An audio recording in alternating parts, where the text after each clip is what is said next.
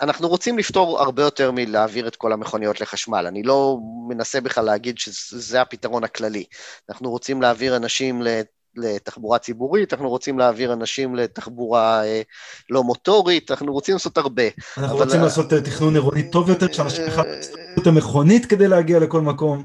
אבל, אבל being realistic about it, אנחנו okay. אוקיי. יודעים שהמכוניות יהיו פה גם עוד 20 שנה. Yeah. אז אלה שיהיו פה, אנחנו רוצים שלא יהיה להם מנוע.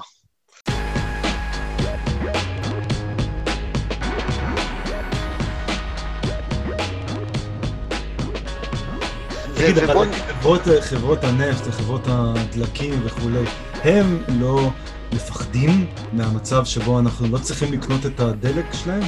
מאוד מפחדים. מאוד מפחדים. אה, הנסיך הסעודי טלל בן משהו או אחר אמר משפט שכולם משתמשים בו כל הזמן, שתקופת האבן לא נגמרה כי נגמרו האבנים, וגם תקופת הנפט לא תיגמר שיגמר הנפט. שלום וברוכים הבאים לפודקאסט האורבניסטי, פודקאסט שלא רק בעניין של להעביר את הזמן בפרקים, אלא לנסות ולהבין למה הם קורים. והיום, המהפכה הענקית שתציל את ריאותינו מהגזים המזהמים, את אוזנינו מהרעש הנורא, ואת כדור הארץ מלחמם את עצמו למוות, אבל הפקקים כנראה שלא תעזור הרבה. הרכב החשמלי. עם כניסת טסלה גם לישראל, מרגיש שהרכב החשמלי הוא כאילו כבר עניין פתור, אבל האמת היא שהוא רחוק מכך, ויודע כל מי שקנה רכב חדש לאחרונה, וב-99.999% מהמקרים מצא את עצמו קונה עדיין רכב בנזין. אז למה הרכב החשמלי לא קורה עדיין? היה לי הכבוד לדבר בנושא עם אחד המומחים המובילים בעולם שחוקר את אימוץ הרכב החשמלי במכון לחקר התחבורה באוניברסיטת UC דייוויס בקליפורניה, פרופסור גיל טל. השיחה מאוד מאוד מעניינת עם כמה דברים שהפתיעו גם אותי, למשל חשבתם שתשתית טעינה זה מה שחסר? חישבו שוב. וגם קצת ארוכה מהרגיל, אבל תאמינו לי, כל דקה שווה איזה שיחה באמת מאוד מעניינת. מרכב חשמלי אנחנו מדברים על מכוניות בכלל, תעשיית המכוניות, מהפכת ה-SUV, כלכלת הנפט והרבה הרבה פסיכולוגיה. כי אם יש משהו שהמכונית מייצגת ברוח נהגיה, זה איזה חופש מדומיין. החופש לעמוד בפקק אולי. בינתיים אני רוצה להזכיר לשומעים חדשים, הפודקאסט, אה, פודקאסט האורבניסטים איתי, עומר רז, מהנדס ומתכנן, עוסק בתכנון, תחבורה וסביבה, עם המומחים ואנשי המקצוע בשיא המחקר והעשייה. לא לשכוח להירשם ולספר לחבריכם. ועכשיו, פרופסור גיל טל, מקליפורניה החמה. אוקיי, okay, אה, אז אה, גיל טל, אני היום, בשנים האחרונות, דירקטור של מרכז מחקר לרכב חשמלי באוניברסיטת קליפורניה בדייוויס. Mm-hmm. עשיתי את הדוקטורט שלי כאן בדייוויס, ועשיתי פוסט-דוק ב-UC ברקלי כמה שנים, וגם לימדתי שם. את המאסטר שלי והתואר הראשון עשיתי באוניברסיטה העברית בירושלים, במחלקה לגיאוגרפיה. את המאסטר עשיתי בנושא של אה, תכנון סביבתי, ועבדתי על שני תחומים, על תחבורה ועל מים. אוקיי. Okay. הייתי צריך לבחור אחד, כי קשה להיות מומחה לשני התחומים האלה ביחד, אה, והמשכתי עם תחבורה. לתחום של רכב חשמלי הגעתי לפני 12 שנה בערך, שרכב חשמלי התחיל לחזור אחרי שנים שזה היה אה, נושא מת, mm-hmm. כי הרקע שלי הוא תכנון תחבורה והתנהגות נסיעות, travel behavior. והבינו סוף סוף שכדי להצליח עם הנושא של רכב חשמלי זה הרבה עניין של uh, להתעסק עם אנשים, לא להתעסק רק עם בטריות. Uh, מי יקנה, למה יקנה, איך ישתמשו בהם, איפה לשים להם מטען, האם הם צריכים את המטענים האלה, uh, באיזה מצב זה רלוונטי וכל זה. וזה מה שאני עוסק בו בשנים האחרונות. מעניין, מעניין מאוד. אז אני רגע חוזר ל... לה... ממש ככה שאלה ראשונית, אתה אומר שהרכב החשמלי חוזר, מתי הוא, מתי הוא היה? אז הרכב החשמלי היה לפני הרכב בנזין בגדול. לפני יותר ממאה שנה, אה, שני, שני, שתי הטכנולוגיות האלה היו טובות באותה מידה, או לא טובות באותה מידה. היה רכב חשמלי מאוד מאוד איטי, עם טווח מוגבל, בתוך הערים זה היה דבר נהדר. Uh-huh. אם אתה יודע בטוח שאתה מכיר את ההיסטוריה העירונית, אז uh, uh, צואת סוסים הייתה הבעיה הסביבתית העיקרית, כן. ושניהם היו uh, חלופה לא רעה לזה. Uh, Uh, הבעיה עם רכב חשמלי היה טווח מאוד מוגבל, ואתה צריך מקום לטעון, אז היה רק בתוך העיר. הבעיה עם בנזין היה רעש, uh, סירחון וקושי להדליק את המנוע. היית צריך לסובב את המנואלה הזאת ביד. אה, מה שגרם לרכב בנזין לנצח באופן חד משמעי זה סטארטר חשמלי ואגזוז, שהפך אותם ליותר שקטים. ברגע ששני הדברים האלה נכנסו, עכשיו כבר יש לך רכב בלי בעיית טווח, אתה לא צריך אה, חשמל, כי החשמל הגיע ל... מחוץ לערים, לקח יותר זמן, ורכב החשמל נשאר מאחורה עד שנות ה-70. בשנות ה-70, ממשבר הנפט, הוא עשה עוד פעם קאמבק. כי היה משבר נפט, ואז היו המון ניסיונות באירופה, בארצות הברית, אבל הטכנולוגיה, הבטריות לא היו מספיק טובות.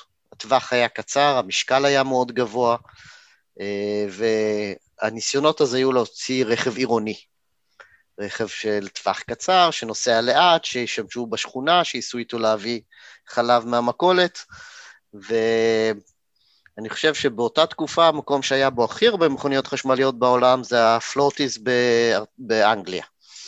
אה, אם אתה מכיר את ההיסטוריה של עגלות החלב באנגליה, זה מין אה, משטח שטוח כזה. אשמח להכיר, אני, כן, אני תסתכל. רק יודע שאני לפעמים עובר פה החלבן, יש כאן עדיין לפעמים. החלבן היה נוסע עם רכב חשמלי כזה, וזה היה המקום שמכוניות חשמליות היו הכי מוצלחות בעולם, הרכב החשמלי באנגליה. אבל יותר אוקיי. מזה, זה די מת בשנות ה-70, אה, כי הבטריות לא היו מוכנות. ואז עוד פעם בשנות ה-90, אני שמעתי איזה אה, אדם תימהוני בכנס חשוב פה בקליפורניה, אומר, אתם לא מבינים, אבל הבטריות האלה במחשבים הניידים שלכם, עוד לא היה אה, טלפונים חכמים, היה טלפונים נוקיה. וזה הולך להיות המהפכה התחבורתית הבאה במכוניות. ובאמת, הטכנולוגיה השיגה את, ה, אה, אה, השיגה את הצורך, וזה היה הקאמבק השלישי. האמת ש... מה שמעניין זה, מה שאני מכיר גם, זה שפאנלים סולאריים, הטכנולוגיה לייצר אה, אנרגיה מהשמש, גם הייתה קיימת לפני מאה שנה, וגם נוצחה, כאילו, פשוט ב-economies of scale אה, נוצחה. ו, ובקשר לחזרה, אז ב- בישראל כולם זוכרים את אה, חברת Better Place, לפני 15 שנה בערך, אולי קצת יותר, שעשתה ניסיון מאוד גדול להכניס רכב חשמלי, שנכשל באופן uh, טוטאלי. לח... נכשל לחלוטין, אנחנו עוד יכולים לדבר למה, אבל הם באמת, זה הגלגול השלישי. הגלגול השלישי היה אה, החיבור של אה, טכנולוגיה של הבטריות שהבשילה, או התחילה להבשיל, המשבר הנפט של 2008, שהעלה את מחירי הנפט בצורה אה, מאוד מאוד גבוהה, וההבנה המוטעית, אנחנו יודעים היום, של, אה, שהגענו לפיק אויל, שהגענו למצב שאי אפשר לייצר מספיק נפט לדרישה, mm-hmm. ומעכשיו זה רק הולך ועולה, מחירי הדלק רק ילכו ויעלו. ברגע שהייתה את התפיסה הזאת, הבינו שכדאי, או יש כאלה שחשבו שזה הזמן לחזור ולהשקיע ברכב חשמלי. זה מה שהיה, זאת הייתה התוכנית הכלכלית של Better Place, ואחת הסיבות העיקריות שהם נכשלו זה שרכב, שמחיר הבנזין לא המשיך לעלות, אפילו mm-hmm. לא בישראל, אה, ו, ומול כל תחרות נורמלית לא היה לתוכנית שלהם סיכוי. אבל הטכנולוגיה של המצברים, העלייה במחירי הדלק בהתחלה, ועכשיו ההבנה ש-climate change זה לא uh, סיפורי בדים וזה לא הולך להיעלם, זה מה שמביא עכשיו את הרכב החשמלי. כן, אז אפשר להגיד שהיום ה driver לרכב חשמלי זה כאילו הידיעה ש-climate change קורה. טוב, אתה עכשיו נמצא בגל חום שם בקליפורניה, אז אולי זה מעבר לאיזה רעיון uh, תיאורטי, אבל זה באמת ה driver? לחלוטין. זה ה driver לחלוטין. זה driver שאני חושב שהדרך לראות אותו הוא דרך הממשלות. אה, אם אנחנו מסתכלים על, אה, על סין, אם אנחנו מסתכלים על אירופה, אם אנחנו מסתכלים על ארצות הברית, אם אנחנו מסתכלים על כל הכלכלות הגדולות בעולם, מי שנבחר, סוף סוף, זה, זה מנהיגים שחלק מה ticket שלהם זה ש-climate change קורה. היה לנו ארבע שנים הפסקה, ואני חושב שבארצות הברית, ואני חושב שאנחנו חוזרים לזה. סין זה מקרה יותר מורכב, ולסין יש כמה וכמה מוטיבציות, אבל אני חושב שאפילו סין, uh, זה ברור להם שכדאי להם להתייחס לזה עכשיו. אני, אני ארצה עוד uh, בהמשך לדבר גם על התוכניות של ארצות הברית וגם על התוכניות של סין, שתיהן מעניינות אותי, אבל לפני זה אני אשמח אם uh, נדבר ככה באופן כללי, מה מצב הרכב החשמלי כיום, היית אומר, בקליפורניה או בארצות הברית בכלל, כמה יש כאלה על הכביש, האם, נגיד, מה המצב? אוקיי. Okay. אה, בוא, בוא נלך על ארה"ב, בוא נעשה אולי קצת יותר כללי מזה, כדי לראות איפה אנחנו עומדים. Mm-hmm. התחל, התחילו למכור מכוניות חשמליות אה, אה, בצורה טיפה יותר המונית ב-2010 בערך, 2011, בכל העולם. זאת אומרת שאנחנו עשר או אחת עשרה שנים לתוך המכוניות החשמליות. אה, ניסן ליף, זו הייתה המכונית הראשונה שהייתה אמורה להיות מכונית להמונים. אה, טסלה התחילו עם, ה, אה, עם הרודסטר שלהם, עם הרכב שני, של השני מושבים, וכמה חברות אחרות. ג'נרל מוטורס התחילו עם ה plug-in hybrid, הוולט, זה ב-2010-2011. עשר שנים אחרי, קליפורניה, בערך עשרה אחוז מהשוק הוא חשמלי, או עם פלאג, אה, עשרה אחוז מהמכוניות שעל הכביש כרגע? לא, לא, לא, עשרה אחוז מהשוק, מהמכירות, מהמכירות, כן. עשרה אחוז מהמכירות הם חשמלי, בכלל ארצות הברית זה בסך הכל אחוז או שניים. באירופה זה עלה בעכשיו, בסוף 2020, 2021, זה עולה בצורה קריט משמעותית, זה עכשיו כמעט 30 אחוז בגרמניה, אה, זה 20 ומשהו אחוז בצרפת. בנורבגיה 70% אחוז מהמכוניות הנמכרות הן חשמליות, ובסין אה, זה בסביבות ה-20% אחוז עכשיו בערך, אם אני זוכר נכון. זאת אומרת, אה, אם לפני עשר שנים ארצות הברית הייתה המובילה, אנחנו עכשיו, ארצות הברית היא די מאחור. Mm. בעשרה אחוז, זה, זה לא, לקליפורניה, עשרה אחוז לעוד כמה מהמדינות היותר פרוגרסיביות, זה לא הרבה. אבל בואו בוא נדבר רגע על משהו, בגלל שאני... אה, שאלה הזאת חי, אנחנו חייבים להבהיר אותה. מה אנחנו מדברים על רכב חשמלי? Okay. אוקיי. כי יש אה, ש, שלוש הגדרות שונות לרכב חשמלי. חברות הרכב מדברות על משהו אחד, אה, אנשי האקלים מדברים על משהו אחר, ובדרך כלל, ובדרך כלל אנשים כמוני מדברים על משהו שלישי, לצערי. Okay. אוקיי. כאילו, אנחנו מדברים על שלוש הגדרות שונות לגמרי. אז רכב חשמלי. חברות הרכב אוהבות לקרוא למכוניות ההיברידיות שלהם רכב חשמלי. טויוטה okay. פריוס, הם קוראות לו אוטו חשמלי. כשאומרים כמה מכוניות חשמליות טויוטה מוכרת, הם אומרים עשרות מיליונים, כי הם מכלילים בזה את, ה, את הרכב ההיברידי, okay. כן. שאני לא קורא לו רכב חשמלי, כי אמצעי אה, ההנאה שלו, האנרגיה שלו, באה רק מבנזין. Okay. אוקיי. זה רק או מגז או מפטרול, תלוי איפה אתה בעולם, אבל זה, זה מה שמריץ אותו. הוא לא חשמלי, כי הוא לא מתחבר לרשת החשמל בשביל הטענה. כן, כי 100% מהאנרגיה שמסיעה אותו היא בנזין. אז מה, אפשר רק להגיד שהוא פשוט רכב קצת יותר יעיל, אנרגטית? בדיוק, בדיוק. Okay. אוקיי. הוא, הוא, הוא רעיון נהדר, אני מקווה שכל המכוניות בנזין שעדיין מוכרים יהיו הייבריד, כי uh, הוא הרבה יותר יעיל וחוסך לנו אנרגיה וחוסך לנו גזי חממה והכל, אבל הוא לא רכב חשמלי. זה, למרות שכל חברות הרכב, כמעט כולם, שהן מספרות כמה הן מייצרות, הן מכלילות אותו ברשימה. אז כשאנחנו שומעים כזה כל מיני מרצדס מעכשיו ייצרו רק רכב חשמלי, הם, הם סופרים גם את ההייבריד בפנים. מי שבעיקר עשה את זה בצורה הכי בוטה היו וולבו. וולבו אמרו לפני שנתיים-שלוש, 100% מהמכוניות שלנו יהיו חשמליות בעוד עשר שנים, וכולנו עצרנו את הנשימה לחצי שנייה, ואז הבנו שהם לא מתכוונים באמת, שהם מתכוונים להיברידי. וגם קצת חשמלי. אז עכשיו בואו נעבור לסוג השני, שהוא כבר מתחיל להיות חשמלי, ואנחנו קוראים לו plug-in vehicles. ו plug-in vehicles זה כל דבר שיש לו גם plug שמתחבר לקיר.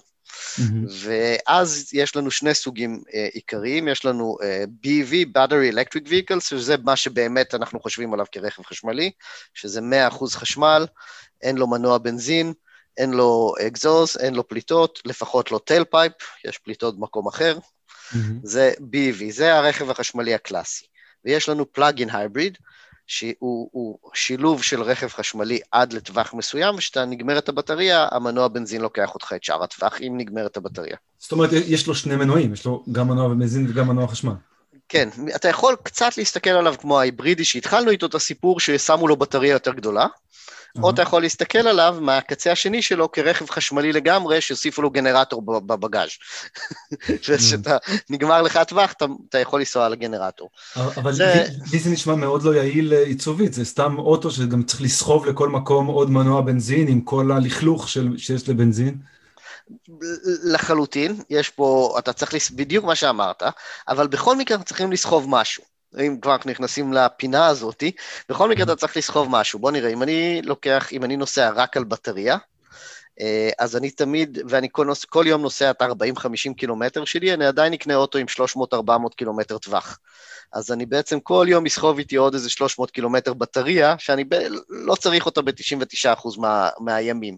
אז אם אני סוחב עוד בטריה או סוחב עוד גנרטור קטן, זה שתי דברים. הדבר הנוסף שאני תמיד צריך לסחוב איתי זה, לא, ה, לא בתוך האוטו, זה מערכת טעינה מאוד מורכבת בדרכים. טעינה מהירה בדרכים, שאם יש לי את הגנרטור הקטן הזה, אז. בארבע, חמש נסיעות לאילת שלי בשנה, כי כולם נוסעים כל היום לאילת שהם הולכים לקנות אוטו, לפחות בהרגשה שלהם, אז אני לא צריך את המערכת הזאת, במקום זה אני רץ עם הגנרטור, אבל כל יום שאני נוסע לעבודה הלוך חזור, המנוע, מנוע הבנזין לא עובד בכלל. הבנתי. אה, זה, הקטגוריה של מה שאתה מוכן שיקראו לו רכב חשמלי. זה הקטגוריה שאני מוכן, אבל המון מהמון... אה, אה, סביבתנים. סביבתנים יגידו שזה כאילו לא פתרון טוב, כי יש לו עדיין tailpipe, יש לו המון... יש, הוא תלוי ברצונו הטוב של הנהג לטעון את הרכב כל יום, mm-hmm. הוא תלוי בטווח שלו, הוא, הוא עדיין לא טהור. אני חושב שאתה יודע, ואם נמתח את הסקאלה הזאת עוד קצת, אני רק אבהיר בשם הסביבתנים, שאני אייצג אותם הרגע, שיש עוד חלק של סביבתנים שאומרים שמכונית חשמלית, אפילו הכי חשמלית בעולם, היא באמת מטפלת בבעיות של פליטות גזי חממה וזיהום אוויר מקומי, שזה מאוד מאוד חשוב, אבל היא עדיין מכונית. אז היא גורמת כן. לכל הבעיות שמכונית עדיין גורמת, שזה הבעיות העירוניות שמכונית גורמת להן. לחלוטין לגמרי צודק. לפני עשרים ומשהו, עשרים וחמש שנים יותר אולי, שהייתי עוזר הוראה באוניברסיטה העברית, אז הכנסתי שאלה שאני עד היום מאוד אוהב לאחד המבחני סיום שלנו, אם מחר נמציא אוטו שנוסע על מי ים, רק קצת מי ים והוא נוסע לכל מקום, תנו לי את רשימת הבעיות שלא פתרנו.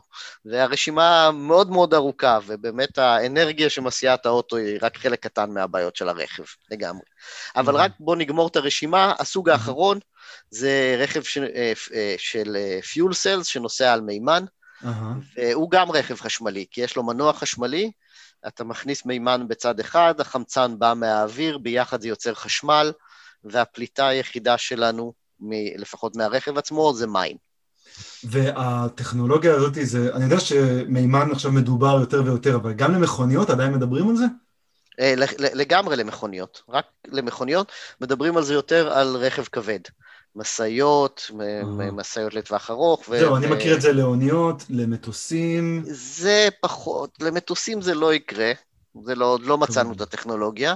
לאוניות יש עכשיו את הראשונה בנורבגיה, יש להם סוף סוף מעבורת שתיסע על אה, היידרוג'ן, אבל זה נהדר, כי זה מוביל אותנו למה שאתה דיברת עליו, כאילו, אוקיי, יש לנו אה, חשמל או יש לנו היידרוג'ן, אבל מה, אה, איך עושים אותו? מאיפה הוא מגיע? ואת רוב ההיידרוג'ן היום, את רוב המימן היום, עושים מדלק, מנפט.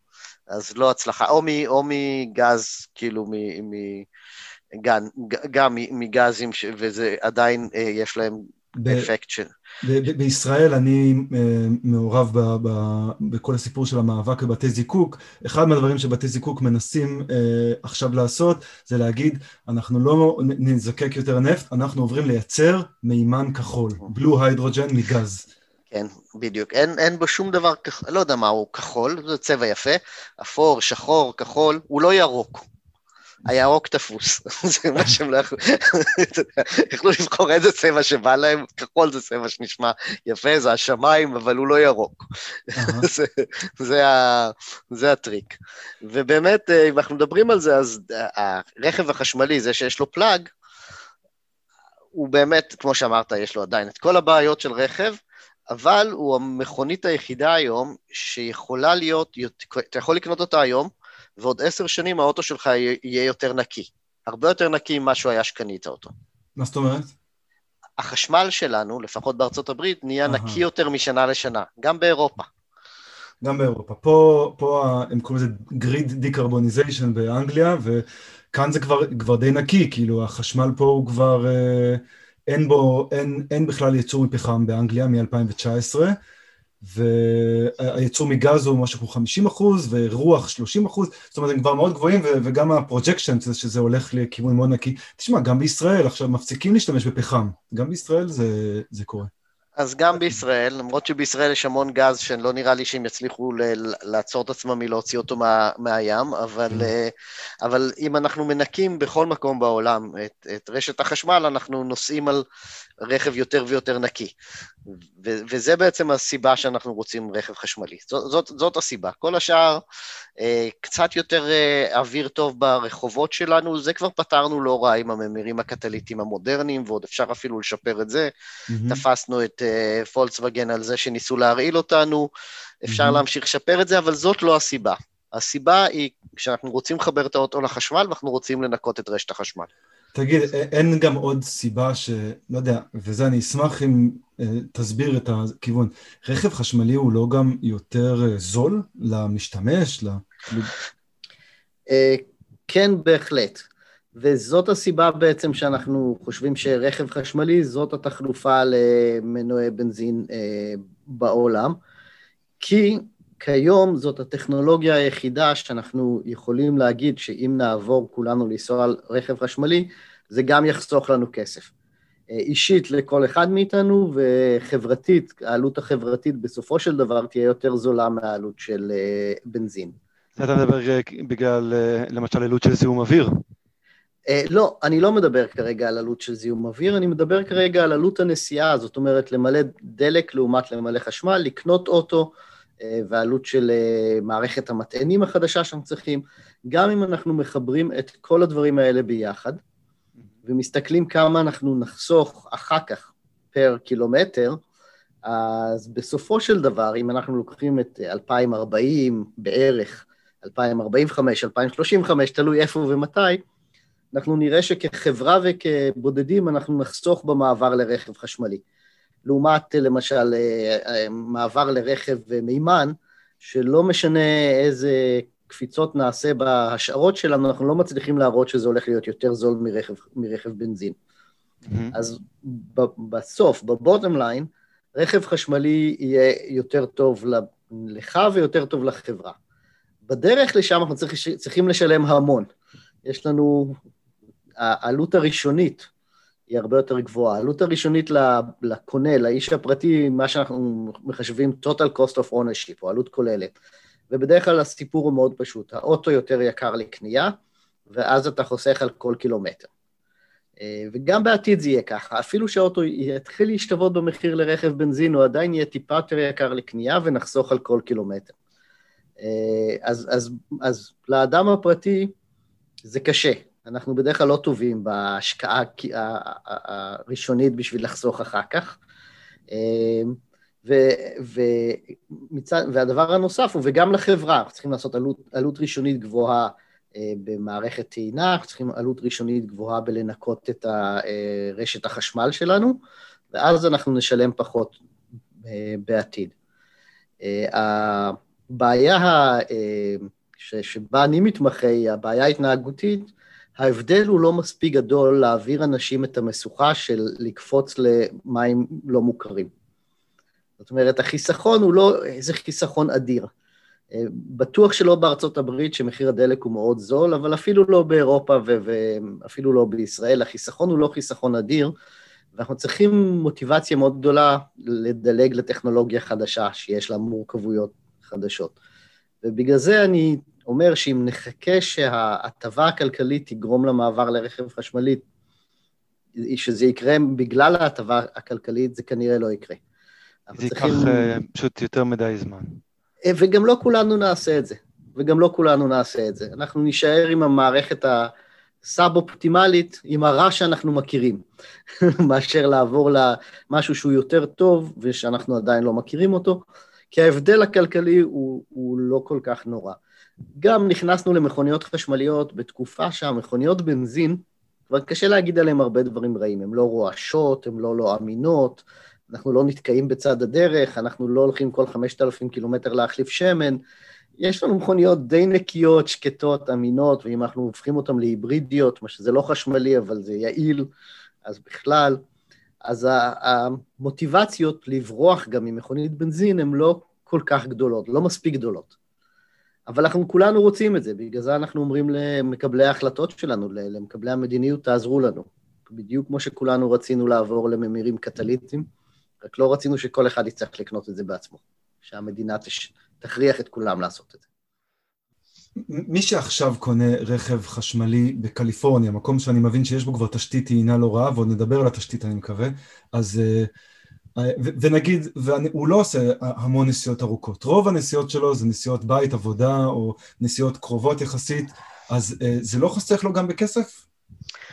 רוב האנשים, וזה אה, דבר שמקבלי ההחלטות בקליפורניה מתקש, מתקשים אה, לקבל, לקבל, רוב האנשים שקנו מכוניות חשמליות בקליפורניה אה, עשו את זה מסיבות מעט אלטרואיסטיות. זאת אומרת, הם הרגישו שהם צריכים לתרום לסביבה, זו תרומה קלה, הם לא ויתרו על החופש באירופה או על הנסיעה לזה, אבל הם עברו לרכב חשמלי, הם לא חסכו כסף.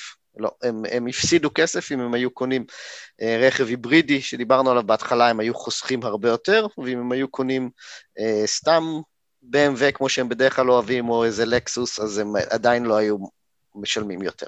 ו- לא, הם לא חסכו. ואם המחירים של אה, בטריות ימשיכו לרדת? אז, ש... אז נתחיל לחסוך. יותר ויותר אנשים יתחילו לחסוך. ועכשיו תראה, אנחנו... אנחנו, לא הזאת. אנחנו, אה, אנחנו מהנקודה הזאת, למי שיקנה, היום את הרכב הזול ביותר, וכל יום ייסע קרוב לטווח של האוטו.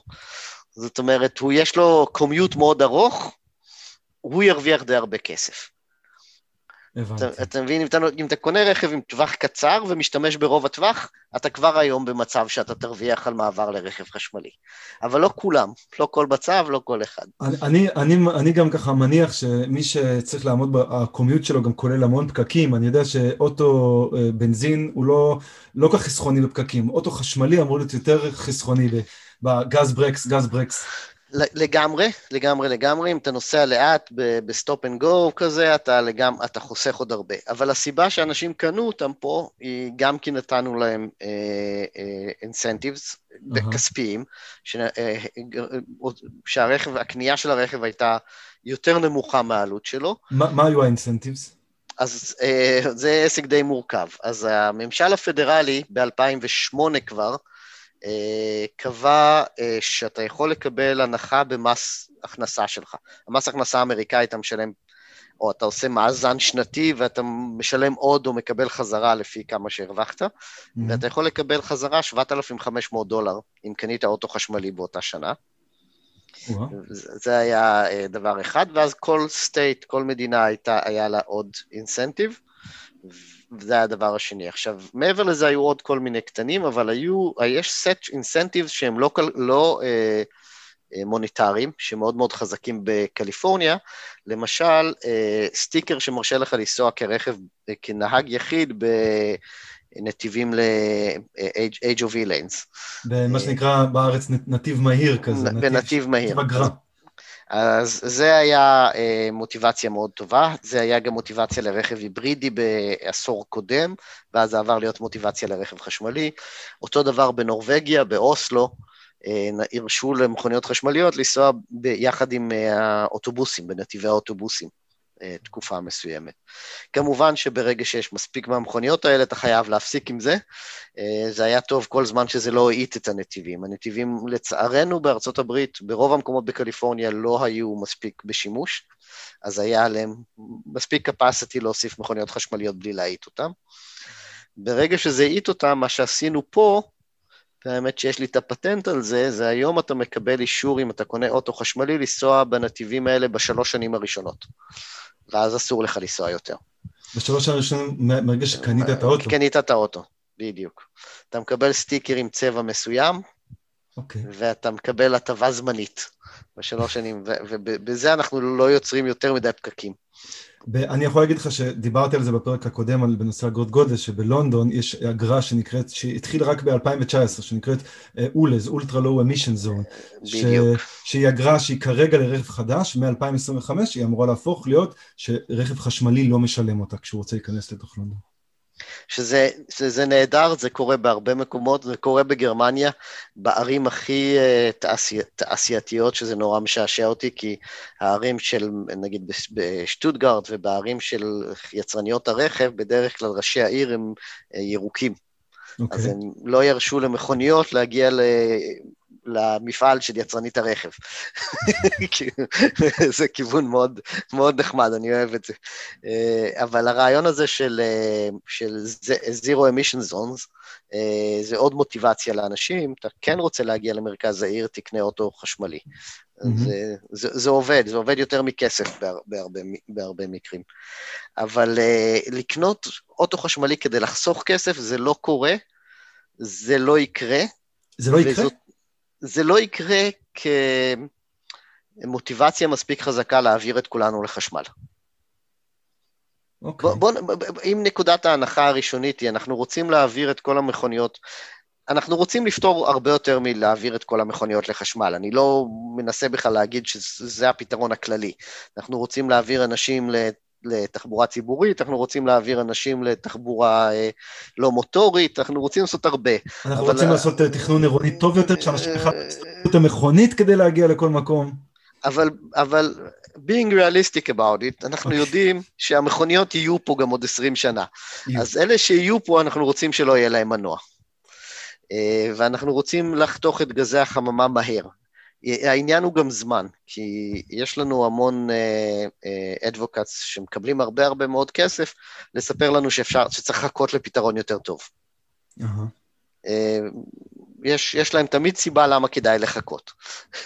ואנחנו בשלב הזה אומרים, יש לנו פתרון, הוא לא uh, לנסוע על מים, הוא לא אפס עלות, הוא בסופו של דבר יהיה יותר זול מרכב בנזין, לא בהרבה, אבל יותר זול, ואנחנו רוצים שכולם יעברו עכשיו. ואנחנו צריכים לעשות את זה באמצעות מדיניות ולא באמצעות השוק החופשי. Mm-hmm. זה לא יעבוד אם נחכה לשוק החופשי. Uh, זאת אומרת, uh, צריך... Uh, איך, איך ממשלה יכולה לדחוף רכבים חשמליים? אז הנה מה קורה באירופה. השוק האירופאי יש לו עכשיו CO2 regulation, שכל חברת רכב צריכה לעמוד בממוצע של כל הצי שלה, כמה גרם פר קילומטר הם יכולים uh, לעשות. ודחפו את המספרים מספיק נמוך שאי אפשר יותר לעשות את זה עם מכוניות בנזין יעילות. הם גם לא יכולים לעשות את זה עם דיזל יעילות שהם ניסו הרבה שנים, וכדי לעמוד בממוצע, הם צריכים למכור יותר ויותר מכוניות חשמליות לכל חברת רכב. פשוט מחייבים את יצרניות הרכב לייצר אה, רכב חשמלי, פשוט... לא, מחייבים אותם לעמוד בממוצע של, אני לא זוכר את המספר, אני... 140 גרם לקילומטר, או, או 120 גרם לקילומטר, או משהו כזה, ואם לא, הן משלמות קנס מאוד מאוד גבוה על כל מכונית שעוברת את הממוצע הזה, של כל המכוניות שהן מוכרות. Mm-hmm. הן יכולות לעשות את זה איך שהן רוצות, מכוניות יותר קלות ויותר קטנות ומנועים יותר יעילים, אבל בסיכומו של דבר, הדרך הכי פשוטה היום לעשות את זה היא למכור יותר ויותר מכוניות חשמליות. Mm-hmm. זה מה שקורה באירופה, לגמרי. בארצות הברית, איפה שכן יש מכוניות חשמליות, בקליפורניה, זה קורה אותו דבר. יש ZEV mandate, הוא לא הולך לפי גרם פר קילומטר או גרם פר מייל, הוא הולך לפי מספר מכוניות. על כל X מכוניות רגילות שאתם מוכרים, אתם צריכים למכור Zero Emission Vehicles, כאלה שאין להם אקזוז. Mm-hmm. וזה מה שיוצר את זה.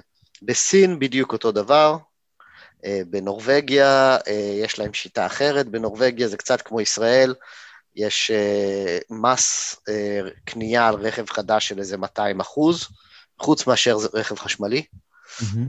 זה פשוט כאילו, אבל שם זה לא חוכמה, כי אתה יודע שכל הכסף שעושה את זה בנורבגיה בא ממכירת נפט. כן. אני מבין שהם מדינה קצת... אה, אז הם בעצם קצת מכפרים על העוון היותר גדול בזה שהם באוסלו נוסעים על חשמל, אבל זה לא... אבל כן. אם אנחנו חוזרים לרעיון המקורי, הוא, הרכב החשמלי הוא טוב, הוא שקט, הוא מהיר, הוא כיפי, הוא נקי, אבל זה, כל זה ביחד לא מספיק בשביל לעשות את השינוי הגדול, ולכן אנחנו צריכים שהמדינה תדחוף לשינוי. אין שום תמריץ ליצרנית רכב לייצר רכבים חשמליים, חוץ ממה שהממשלה ת, תעשה לה? אמ, זו שאלה מעולה, זאת, זאת שאלה מעולה. ליצרנית הרכב אין תמריץ. אה, יצרניות הרכב, בואו לא נכלול אה, את טסלה, שעושה רק רכב חשמלי, אבל יצרניות הרכב יודעות היום טוב מאוד לעשות כסף מלמכור אוטו רגיל. אה, והרווחיות שלהם מאוד מאוד נמוכה. זה לא הביזנס הכי טוב להיות יצרנית רכב. אם תסתכל על העולם בשנים האחרונות, הן מתמזגות ומשתנות ומנסים, מנסות לשרוד, והיצרניות רכב האמריקאיות על סף פשיטת רגל כבר 40 שנה, והיצרניות רכב האירופאיות על סף פשיטת רגל כבר 40 שנה, אה, וזה לא הביזנס הכי קל בעולם. עכשיו, הם יודעים איך לעשות, לעשות כסף מלמכור מכוניות בנזין, והם יודעים אה, למכור אותן גדולות יותר ויותר, אנשים אוהבים, עברנו לרכבי פנאי, רכבי ספורט, מה שבישראל קוראים ג'יפים, או אה, אה, אה ג'יפונים, SUVs, מכוניות יותר ויותר גדולות, ומזה הם יודעים לעשות כסף. לעבור לטכנולוגיה חדשה זה סיכון אדיר, ולא כולם ישרדו אותו. Mm-hmm. הסיכ, הסיכון הוא, וזה מה שאני אמרתי קודם, שהטכנולוגיה היא טובה, אבל אולי היא לא הכי טובה. עוד עשר שנים תהיה אולי יותר טובה. אם הם עכשיו יעשו השקעה אדירה בפסי ייצור חדשים, אה, יקנו בטריות ויקנו את הזכויות על החומרים והכול, ועוד חמש או שבע שנים מישהו יבוא עם משהו טיפה יותר טוב, כל ההשקעה האדירה הזאת יורדת לטמיון. והמכוניות שהם ייצרו הם לא יצליחו לייצר או למכור, וכל ה-R&D הזה יורד לטמיון, והם מפחדים פחד מוות מהשינוי הזה. מצד שני, יש להם את אה, טסלה, שמזנבת בהם, הופכת להיות חברה ענקית, אנשים אוהבים אותה, טסלה מזנבת בהם, בחלק מהם, באלה שמוכרים מכוניות יוקרה, לא מספיק בשביל לעשות את השינוי הזה.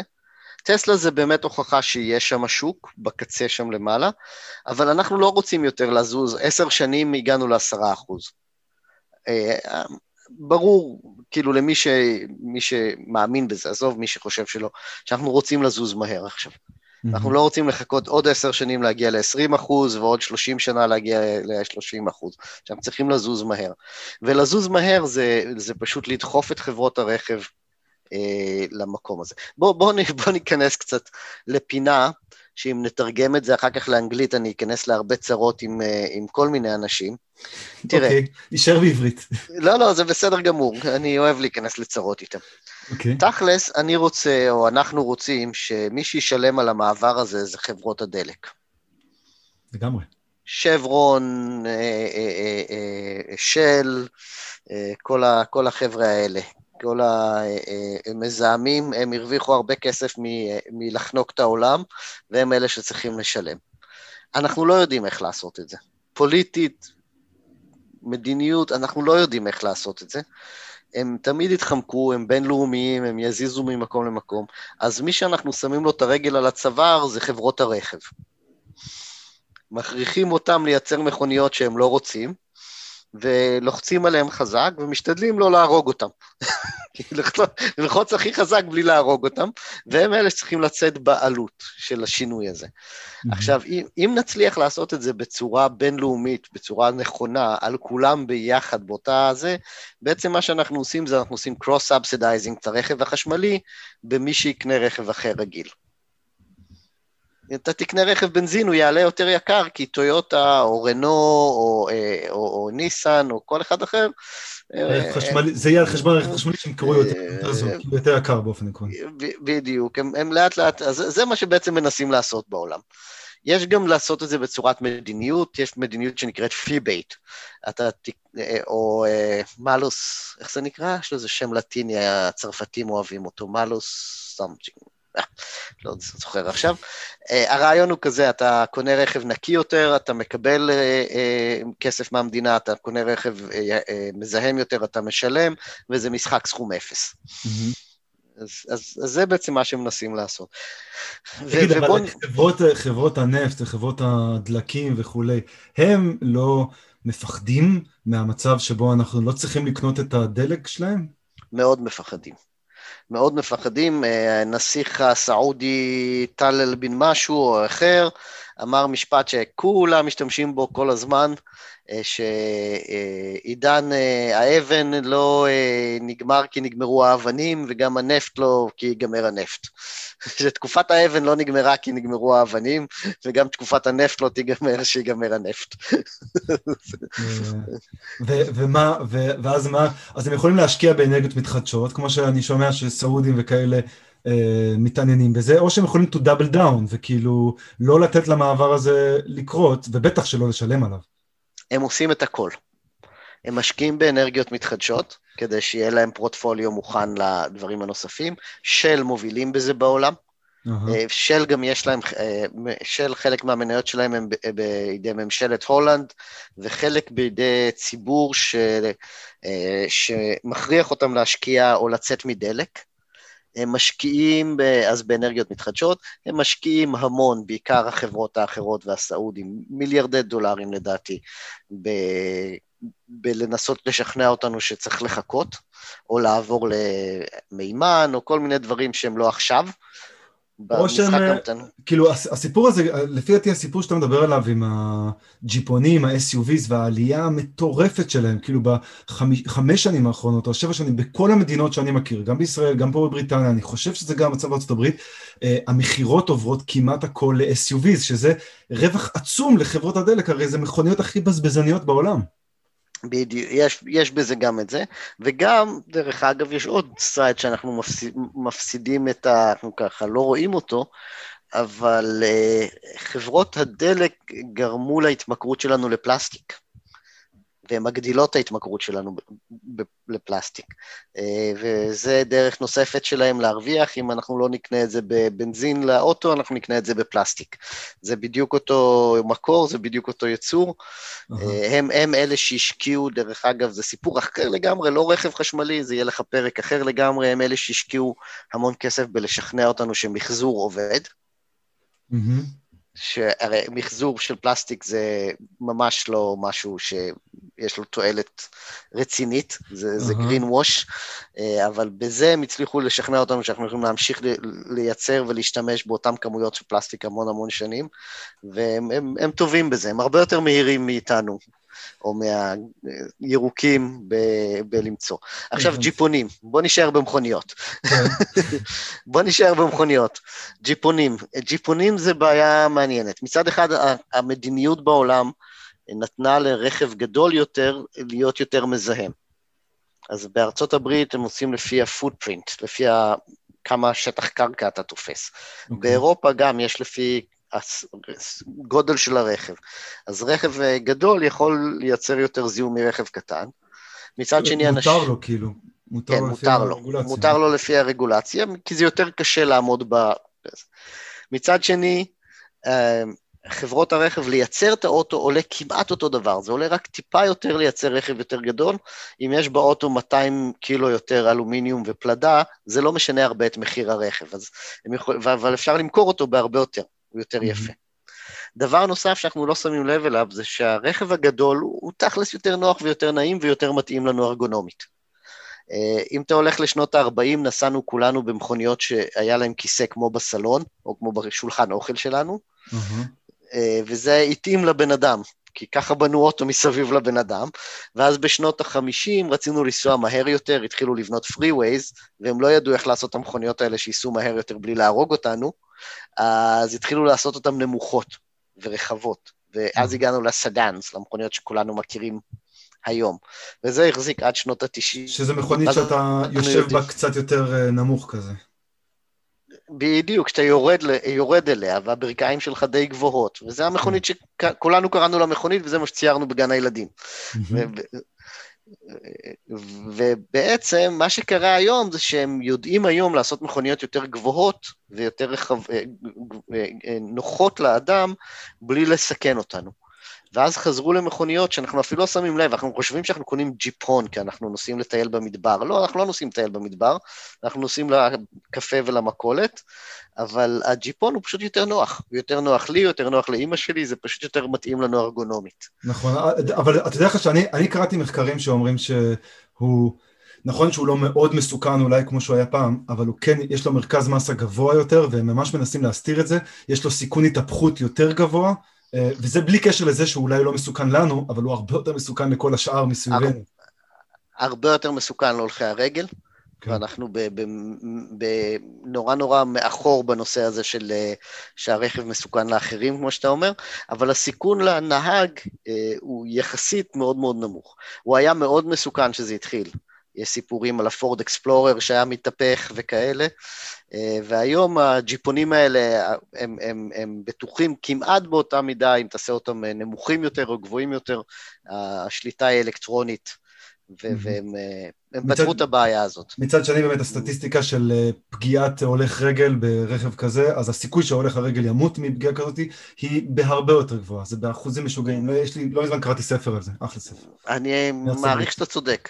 מעריך שאתה לגמרי צודק, ו... וזה חלק מהנוש... מהנושאים שהרגולציה היא מאוד מאוד מאחור בהם, ש... שצריך לטפל בזה.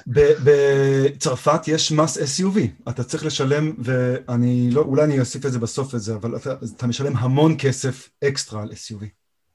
וזה חלק מזה, אבל אני חושב, תחזור למלוס משהו הזה, אה, זה חלק מזה הולך לרכב נקי גם. זה גם עניין של נקי לעומת אה, רכב מזהם. אז בואו נחזור רגע אם אנחנו לא הולכים לעשות את זה דרך השוק, אנחנו הולכים לעשות את זה דרך רגולציה. Mm-hmm. ואז משהו שאני כבר אומר כמה שנים ומקבל המון דחיפה נגדית, אה, יש, יש לי דוגמה טובה. בעולם כולו, בארצות הברית ובעולם כולו, הכניסו לכל אוטו אה, ממיר קטליטי לפני 20 שנה. Mm-hmm. לא שאלו אותנו אם אנחנו רוצים לשלם עוד 800 דולר או 1,200 דולר שאנחנו קונים את האוטו עם ממיר או בלי ממיר. לא אמרו לנו, תשמעו, זה עולה 1,200 דולר יותר, אבל המדינה תיתן לכם בסוף השנה צ'ק במס הכנסה, או אתם תקבלו אה, אה, אה, סטיקר ירוק, או יספרו לכם שעשיתם טוב לסביבה. פשוט נתנו לממשלה, האמנו שזה טוב ונתנו לממשלה להחליט בשבילנו. זה המצב של, של ממיר קטליטי, ופתרנו המון בעיות של איכות אוויר בערים, הורדנו את התמותה מאיכות אוויר בצורה משמעותית. לא פתרנו, אבל הורדנו בצורה משמעותית, וזה נעשה בעזרת זה שהמדינה אמרה, כולם צריכים. אני, היה לי רק, אני מסכים עם הסיפור, היה לי רק פעם ויכוח על זה באיזה פרק אה, מוקדם של הפודקאסט, דיברתי עם מישהו שמתכנן תחבורה, והוא אמר כשזהו, נפתרה הבעיה של זיהום אוויר. עכשיו, אני אומר, וגם אחר כך גיביתי את זה בנתונים, שאומנם אה, זיהום פר מכונית ירד דרמטית, אבל בגלל שכמות המכוניות בכל הערים בעולם כל כך גדלה, אז אה, איכות האוויר בערים השתפרה, אבל לא משמעותית. איכות האוויר בהרבה מהערים בארצות הברית, בישראל, גם פה בבריטניה, אה, נגיד לונדון מאוד נאבקת בזה, אבל איכות האוויר היא עדיין מאוד ירודה. איכות האוויר השתפרה משמעותית, אבל לחלוטין לא מספיק. כן. אה, וחלק גדול מזה זה שהערים מלאות במשאיות, בדיזלים, עכשיו רכבי הובלה של אמזון, שאנחנו מנצחים בצד אחד, מפסידים, מפסידים בצד שני. אבל הלקח של העניין הזה עם הממיר הוא, אה, אם אנחנו כחברה, כולנו מאמינים שצריך לעבור לחשמל, אבל אני לא רוצה להיות זה שמשלם על זה ראשון, או זה שלחכות אה, לאלטרואיזם שלי ולא השכן שלי ימשיך, אני, אני אשמח שהממשלה תכריח אותי. Uh-huh. אני, וזה בעצם, אני חושב, המצב שלנו בעולם היום, שאנחנו בחרנו בממשלות שיכריחו אותנו ושידחפו אותנו, ואז אנחנו לא נצטרך לעשות החלטה בעצמנו. עכשיו, זה גם נכון מבחינת, אה, אם אנחנו נחזור לתחום שלי, של התנהגות, אני, הסיבה שאנחנו לא קונים הרבה מכוניות חשמליות זה שאנחנו הולכים לסוכ, לסוכנות רכב, ליבואן, אין שם, אין, אין לו הרבה להציע. אין לו הרבה להציע, הן פשוט לא נמצאות שם במגרש. ואז הם באים ואומרים, אה, אנשים לא רוצים את המכוניות האלה, ויש פה ביצה ותרנגולת. הם לא באים ומבקשים, אז אנחנו לא מייצרים. אבל אף אחד לא בא ומבקש, אני, אנחנו אומרים תמיד בתחום הזה של uh, you need to stock the shelves first. אף אחד לא בא ומבקש מוצר שהוא לא רואה אותו על המדף. אתה לא בא ומבקש, אה, לא יודע מה, את הבמבה המיוחדת שהם יכינו עוד שנתיים, כי אתה חושב שמישהו צריך לבנות אותה, אלא לעשות אותה. אתה רואה במבה מיוחדת שאתה לא ידעת שאתה צריך, ואתה קונה אותה. אז, אז קודם כל צריך רכב חשמלי שיהיה בסוכנות רכב, ואז אנשים יתחילו לקנות. אז הביצה והתרנגולת, הממשלה תכריח אותם, הם יתחילו לייצר, אנשים יקנו, והמעגל הזה יתחיל הכדור הזה יתחיל להסתובב ולזוז הרבה יותר מהר. אני, אני תוהה, אבל אתה יודע, אני, יש סיפור עכשיו בישראל עם רגולציה כזאת, בישראל יש תופעה, והתופעה הזאת היא לא רק בישראל, היא תופעה מחרידה של הורים ששוכחים את הילדים ברכב. אני לא יודע כן. לגבי סטטיסטיקות אם בישראל זה באמת הרבה יותר חריג מאשר uh, בשאר העולם, יכול לבדוק באופן מוזר לא קראתי על זה אף פעם בשום עיתון אמריקאי, אי, אני חי 20 שנה בקליפורניה, לא קראתי uh-huh. על זה. להגיד לך שזה לא קורה? אני לא יודע, אבל משום מה, אף פעם זה לא הגיע לשום הדליין בשום עיתון שאני קורא. בארצות הברית. מעניין. מוזר, נכון? ואני לא יודע מה, האמריקאים לא שוכחים את הילדים, אבל, אבל זה לא הגיע, אני לא יודע למה. לא יודע, אז אה, אני חושב שאני כן אה, ראיתי את זה אה, מתישהו השוואה במדינות, אולי באיזה מדינה, במדינות במזרח הרחוק או משהו. אבל בכל מקרה, עכשיו השרה מירי רגב ניסתה לקדם רגולציה. היא רוצה להכריח את כל נהגי המכוניות להתקין מערכת שמזהה אם ילד נשכח במכונית. זה, זה עולה המון כסף, זה מעל אלף שקל למכונית, כאילו תלוי למה אתה קורא המון, אבל מעל אלף שקל למכונית, ו, ועכשיו יש הרבה לחץ משרת התחבורה החדשה, מרב מיכאלי, לבטל את זה. עדיין לא יודע מה, מה היא עושה. וזה השאלה כזאת עם רגולציה, אם אתה מכריח את השוק לעשות משהו כזה, אז פתאום תקבל דווקא המון uh, התנגדות. זה לא משהו שגם רואים בארצות הברית? בהחלט, זה בהחלט משהו שרואים, אתה מקבל המון המון התנגדות. ברור שיש לנו גם אה, איזה כמעט חצי מהאמריקאים, אני לא יודע בדיוק כמה, שחושבים שאין התחממות אה, גלובלית או שינוי אקלים, אז אה, הם בהחלט מתנגדים לכל דבר כזה. וגם בישראל וגם בארצות הברית יש לנו בעיה מבנית שחלק גדול מהמיסוי הוא מיסוי על דלק. נכון. אז אנחנו צריכים למצוא דרך חדשה למסות את התחבורה, כדי שנוכל לעשות את זה בצורה מוצלחת. אה, כי המיסוי הוא דרך, בישראל זה מאוד ברור שלאף אחד אין מוטיבציה אמיתית במשרד האוצר לחסוך בדלק. זה עצוב, אבל זה המצב. זה, זה המצב, כבר דיברתי על זה בפוסטקסט. כן, כן, אז זהו. ובארצות הברית גם המיסוי אה, שאמור להחזיק את הכבישים הוא מיסוי על דלק. לא משנה שמשנות ה-90 לא עדכנו אותו, הוא בסנטים, הוא לא באחוזים, אה, ואנחנו במצב מאוד קשה במערכת התשתית, בתשתית האמריקאית, אבל עדיין צריך למצוא מערכת אחרת למיסוי. אה, שזה גם מביא אותנו לכל העניין, שזה מכוניות חדשות ויפות ונקיות, וזה אומר שזה ישר הולך לאנשים עשירים שקונים מכוניות יפות ונקיות וחדשות. ושאר האוכלוסייה אה, נשארת מאחור. אז אם אנחנו מסבסדים כזה מעבר, אנחנו באופן טבעי מסבסדים את אה, שכבות האוכלוסייה החזקות. אלא אם זה לא באמת, אה, כאילו זה עדיין, זה לא יהיה להכי אה, עניים אלה שבכלל אין להם רכב, שבישראל זה קבוצה לא קטנה בכלל, אבל אם אתה מצליח שזה יתחרה, אם אתה מסבסד את זה מספיק כדי שזה יתחרה ברכב רגיל, אז כאילו לכאורה כולם יקנו רכבים חשמליים. נכון, אבל אפילו בארצות הברית העשירה ובקליפורניה יש לנו יותר כלי רכב מנהגים למשל, אה, הרבה יותר. אה, ואני מדבר על מכוניות שאנשים משלמים עליהן אה, רישוי שנתי, לא על... מכוניות פרטיות עם רישוי שנתי יש יותר מנהגים. Mm-hmm. עדיין יש חווה, שכבה קטנה שקונה מכוניות חדשות. ורוב האנשים קונים מכוניות משומשות.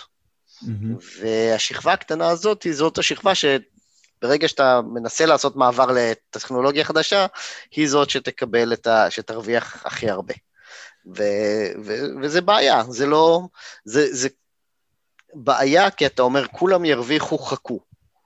אבל קודם כל האקלים הפוליטי לא מוכן לזה עכשיו. אקלים, ואני חושב שזה לא הוגן. הבעיה היא שזה יעלה לנו יותר אם ננסה למכור מכוניות חשמליות חדשות למשפחות שאף פעם לא קנו אוטו חדש. בנזין או חשמל. ו- ואין באמת, אה, אין באמת קיצור דרך לזה. ותגיד, מה התוכנית עכשיו שביידן אה, הציע? אני מבין שיש בה מרכיב מאוד גדול של עידוד רכבים חשמליים. אתה מכיר את הפרטים? כן, כן. אה, הפרטים משתנים עדיין, שום דבר עוד לא נסגר. Okay. הפרטים משתנים עדיין. אה, כן, זה אפילו הביא אותי לראיון בפוקס ניוז, הנושא הזה. ראיתי, ראיתי אותך בפוקס ניוז. זה היה מוזר העניין הזה, כן. הם קיבלו, הם חשבו שהם יקבלו ראיון נגד רכב חשמלי, והם קיבלו ראיון בעד רכב חשמלי. לא נראה לי שהם יתקשרו אלינו עוד פעם. הבנתי. אמ, אז אבל ת, ת, תגיד, הסיפור הזה של רכב, אה, אה, יודע מה, שנייה, אולי לפני שנענה על התוכנית כן. של ביידן, זה כן. הרכב חשמלי בארצות הברית, אני מבין שזה, לארצות הברית יש נטייה בשנים האחרונות להפוך כל דבר לנורא נורא פוליטי. היה את הסיפור הזה עם המסכות, אם אתה שם מסכה, אתה שמאלני, ואם אתה בלי מסכה, אז אתה ימני תומך טראמפ. ועכשיו אני מבין שרכב חשמלי הוא גם מין כזה, אה, סמל, סטטוס כזה, אתה, רוצה להראות שאתה דמוקרט, ליברל נחמד, אתה קונה רכב חשמלי. יותר גרוע מזה, אם אתה רוצה להראות שאתה אה, אה, רפובליקן אה, אה, מסורתי, אתה מוריד את ההגנות מהטנדר שלך כדי שתעשה מה שנקרא, אה, אה, איך זה נקרא? call rolling, roll calling, like, שאתה נוסע ויוצא לך עשן שחור מהאגזוז כן. כמה שיותר, וזה מראה שאתה אדם חופשי. אה, אז אה, כן, יש לנו את הבעיה הזאת בארצות הברית. אה, אז איך, דומה- איך, איך יאמצו את הרכב החשמלי ככה, אם זה ימשיך להיות כזה דבר? אז, אז אפשר, אפשר, אבל בוא נדבר רגע, אתה צודק, בוא נדבר, בוא נדבר על זה של טראמפ, ובוא אוקיי. נדבר, ניקח צעד אחד אחורה, מה אנחנו צריכים לעשות בשביל לאמץ את הרכב החשמלי. אה. וזה נכון לארצות הברית, זה נכון לישראל, זה נכון לכל מקום בעולם. קודם כל, יש את התפיסה הזאת שרכב חשמלי צריך המון המון תשתיות. אה, הרבה יותר תחנות דלק, הרבה חשמליות וכל זה, וזו תפיסה מוטעית. אוקיי. זה נ- נתחיל מהסוף, זו תפיסה מוטעית. הרע... כל הרעיון של אוטו חשמלי זה שמכוניות עומדות 23 שעות ביממה או 22 שעות ביממה וחונות. איפה שהאוטו חונה, אנחנו רוצים לחבר אותו לחשמל. ואנחנו רוצים לחבר אותו כמה שיותר לתקע שכבר קיים. עכשיו, באופן די מעניין, אה, ברוב הערים בעולם, וזה לא רק בארצות הברית, אבל גם בארצות הברית, יש לנו מספיק חשמל איפה שהאוטו נמצא בלילה, כי אתה חונה בבית, ויש לנו גם המון חשמל אה, עודף, או תשתיות עודפות, במקומות שהיו פעם תעש... תעשייתיים והתעשייה נעלמה. אוקיי. אה, אם אתה חושב על לונדון, אם אתה חושב על אה, אה, סן פרנסיסקו, אה, מקומות שהייתה תעשייה. עד שנות ה-50 וה-60 והתעשייה נעלמה, אין בעיה לחבר אותם היום לחשמל, למכוניות חשמליות. אז רוב התשתית כבר קיימת, וזו ההבטחה הגדולה של רכב חשמלי, רוב התשתית כבר קיימת. אתה אומר שיש כאילו אובר קפסיטי של רשת החשמל. בדיוק, בדיוק. הבנתי. אני לא בטוח שזה המצב בכל ה... למשל בישראל, אני לא הייתי בטוח אם זה יהיה המצב. גם בישראל, אה, מהסיבה הפשוטה שבאחת בלילה כמעט אף אחד לא משתמש בחשמל. אה, זה ברור. אז אני בבית, אה, הבית שלי מחובר לחשמל, ואם אני מתחיל לטעון את האוטו בזמן שאני מפסיק להשתמש במדיח והמייבש וה, אה, וכל האמצעים האלה, אז אני פשוט מעביר את הלואוד מדבר אחד לשני, ו, ו, וזה, העלות של לחבר את האוטו די, היא די נמוכה. מהמם. אז איפה אנחנו כן צריכים את, ה, אה, אה, את המטענים האלה? שאני נוסע מעבר לטווח של הרכב. עכשיו, כל כלי הרכב החשמליים האלה בעתיד הקרוב יהיו לפחות 300 קילומטר, או 400, או אפילו 500 חלק מהם. אני מבין שכבר היום זה בערך 400 קילומטר? היום של- זה 400, היום זה 400 בערך, חלק יותר. בעתיד מה שיקרה זה שזה יתחיל להתפצל. אתה תוכל לקנות רכב יקר עם 500, או אם אתה תגיד, או זה האוטו השני ואני לא צריך, הוא יהיה עם 300. ואני, ואני מבין שסיפור הטעינה זה שאם אתה מטעין את זה סתם בבית עם השטקר, אז זה יכול לקחת שעות. נכון. ולעומת זאת יש תחנות אה, טעינה מהירות שבהן זה מהירות. יכול לקחת, זה עדיין, זה לא חמש דקות כמו אה, לשים דלק, זה בערך חצי שעה נגיד, משהו כזה? זה ייקח משהו כזה, בדיוק. חצי שעה, 20 דקות, זה הולך ונהיה הרבה יותר מהר מיום ליום. וכמו שאמרתי לך, בעתיד מה שיקרה זה שיהיו כאלה שיקנו מכוניות שיוכלו לעשות את הטעינה הזאת מאוד מאוד מהר, ויהיו Mhm. מכוניות שבכלל לא ינסו לעשות את זה. כי זה תלוי באיזה אוטו אתה רוצה ולמה קנית אותו. אז אם קנית אה, אה, אוטו קטן כזה, קיה פיקנטו כזה, אתה בכלל לא... אם מעניין אותך אם הוא יגיע ל-500 קילומטר ואם הוא טוען ב-20 דקות, כי אתה לא מתכוון לנסוע איתו לאילת. אבל אם קנית את האוטו הגדול יותר, אתה תרצה, תהיה מוכן לשלם יותר. ובזה אנחנו גם נוריד את המחירים, וה, והמחירים יהיו יותר טובים. אבל אז... גם, אתה אפילו לאילת, אם אתה יורד ואז אתה... 400 קילומטר זה בערך המרחק לאילת ממרכז כן. הארץ. כאילו, אפילו לנסיעה כזאת ארוכה, הטווח, אבל נראה לי זה באמת משהו פסיכולוגי פה עם. ההגבלה הזאת. לגמרי פסיכולוגי, מה שאנחנו רוצים זה שאתה תטען בלילה את אותה כמות שנסעת אתמול. וחלק מאיתנו פה בארצות הברית טוענים פעם בשלושה ארבעה לילות, וזה מספיק לנו. תוך, במשך הלילה אנחנו יכולים לטעון במהירות של 6-7 קילוואט, שזה בערך אה, אה, 18, 30, 40 קמ"ש. לא נוסע, אלא בשעה אתה תקבל עוד 30 קילומטר או 40 קילומטר טווח לבטריה שלך, ואם אתה טוען במשך 10 אה, שעות, יש לך בטריה מלאה, אם תטען 4-5 שעות, בטוח שכיסית את אתמול. Mm-hmm. אז למה אתה בכל זאת צריך את התשתית הזאת המהירה, שהיא יקרה מאוד? אתה צריך אותה לימים שאתה נוסע יותר מהטווח של המכונית, או ליום שלא טענת בלילה, או ששכחת לטעון, או שהזזת את האוטו, או שבאת מאוחר, או כל הדברים האלה, זה בסך הכל ה-safety net, זה הרשת ביטחון שלך. ואנחנו לא, זה לא יהיה תחנת דלק. אף אחד לא, לא יקנה אוטו שהמקום היחיד שהוא יטען אותו לא צריך לקנות, זה צריך להיות דבר מאוד נדיר, זה התחנות טעינה מהירה. זה יקר מאוד, הטעינה היא רק עד 80 אחוז בדרך כלל, לא עד 100 אחוז, זה, זה מקצר את חיי הבטריה, וזה פשוט לא הפתרון הנכון. המתנים האלה זה צריך להיות רק ה-safety net באזור הבית או העיר, והנסיעות הארוכות. זהו, הבנתי, נסיעות ארוכות. כמובן נסיעות הארוכות. אמנם בישראל אין הרבה נסיעות ארוכות, אבל אנחנו יודעים שבארצות הברית זו מדינה שבה... גם אין הרבה נסיעות. כן. זהו, גם אין הרבה נסיעות ארוכות, אבל אנחנו רוצים שאתה קונה את האוטו, בארצות הברית זה מאוד מאוד מקובל, זה, זה המקום שזה קורה. אה, אנשים קונים את האוטו לא בגלל מה שהם עושים, אלא בגלל שזה extension של החלום שלהם. הם קונים רכב 4 על 4 והם קונים אה, אה, רכב עם יכולת גרירה גדולה, כי יום אחד הם יקנו את ה-RV ויצאו לריטיירמנט, או יקנו סירה גדולה וכל זה, ואז הם ביום-יום בעצם נוסעים עם האוטו למכולת.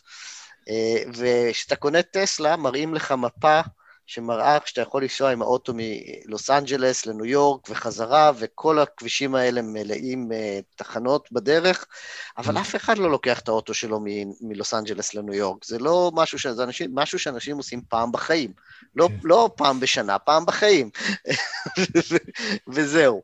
אז לא צריך יותר מדי מהמתנים האלה. רובנו, uh, אני חושב שהסקר uh, הרגלי נסיעה האחרון של ארה"ב מראה שמשק בית אמריקאי עושה חמש נסיעות מעל 150 מייל טווח בשנה, משהו כזה. 150 מייל בערך 230 אה, קילומטר? משהו כזה, כן. חמש נסיעות כאלה בשנה. אה, אז, אז צריך, אז, אז, אז אנחנו מדברים על רכב חשמלי, למה התחלנו לדבר על זה? כי רוב הטעינה תהיה בבית, מי שלא יכול לטעון בב... עכשיו בבית, אני בדרך כלל אומר, בארצות הברית ההבדל הוא, האם אני יכול לחבר את האוטו שלי לתקע שמחובר לשעון אה, חשמל שלי, למד, או שאני צריך לחבר את זה לתקע ציבורי. אם זה תקע ציבורי, טיפה יותר מורכב, צריכים להתחיל לשים תשתית שתוכל לשלם על זה וכל זה. כן. אבל לא, זה לא בבית. לא מאוד מסובך. אה, נכון, מאוד לא. ואז קצת מהמתנים האלה בדרכים, כדי שאני אוכל להרגיש שאני יכול להגיע לכל מקום עם הרכב שלי. כן. זה בעצם... אה, מה ביידן רוצה? לצערי, הם רוצים יותר מדי מהמתנים האלה בדרכים, כי יש להם נראות מאוד מאוד גבוהה. ועדיין יש את אלה שמאמינים שהם נשים את המתנים האלה, הגישה האמריקאית עם ה... איך זה? אחרי, ה... אחרי המחרשה יבוא, יבוא הגשם. Okay. אוקיי. אז אם נשים את המתנים האלה, אז אנשים ירצו מכוניות וחברות הרכב יעשו את זה. בעצם זה מה שהרפובליקנים דוחפים אליו עכשיו. כי זה מה שחברות הרכב אמרו להם, זה טקטיקת ההשעיה הנוכחית אה. של האח כוך, כי אח אחד נפטר, אבל עדיין יש לנו אחד ש... כוך, כוך ברודרס. כן, אז זהו, בראדר אחד כבר מת, השני, יש לנו סבלנות. אה, הבנתי, אז, אז, אז אתם טוענים שהבעיה היא לא התשתית טעינה, שזה כאילו אומרים שזה מה ש... כי, טוב, אולי זה איזשהו משהו באמת לטווח הפסיכולוגי, אתה תראה המון תשתיות טעינה, תבין, אה, יש לי המון תשתיות טעינה, אני אוכל לנסוע לניו יורק אם אני ארצה מלוס אנג'לס. נכון, אבל uh, שני דברים בעניין הזה. אני אלך לחנו, ל, ל, ל, ליבואן או פה ל dealer, ואין מכוניות חשמליות ב dealership. אז בזה כאילו די הסתיים הסיפור. והדבר הנוסף הוא ש... מי שלא מחפש אוטו חשמלי לא רואה את המטענים האלה, גם אם אתה שם לו אותו מול האף. Mm-hmm. וזה, יש לי את זה אפילו מוכח במחקרית. הדוגמה הכי טובה שאני נותן לאנשים, וישר זה כזה יורד להם האסימון, זה שעד שאתה קונה סוג מסוים של רכב, אתה חושב שלאף אחד אין כזה. אתה קונה, לא יודע, איזה, איזה מזדה 2 או משהו, אתה אומר, אה, זה אוטו נדיר אני, וביום שאתה מתחיל לנסוע באוטו שלך, פתאום מולך באים עשרות אנשים עם אותו אוטו כמו שלך. פתאום המודעות שלך, שכולם בעצם יש להם כזה. והמתנים, אנשים שלא מחפשים אותם, פשוט לא רואים אותם, הם לא עושים את העבודה, לא, הנראות שלהם לא מספיק אה, גדולה.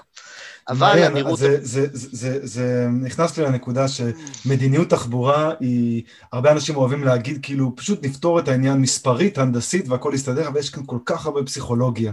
אין פה, בדיוק, הקטע ההנדסי הוא יחסית פשוט, אבל, אה, אבל זה לא פותר לנו הרבה, ואנחנו ממש בקטע הזה של אה, עכשיו ברור לנו, וזה לא היה ברור לי לפני עשר שנים, שאנחנו צריכים קודם כל שיהיו מכוניות כדי שאנשים יראו אותם, אם הם יראו אותם הם ישאלו אם זה מתאים להם, רוב האנשים בארצות הברית לא שאלו אף פעם אם רכב חשמלי זה דבר שמתאים להם.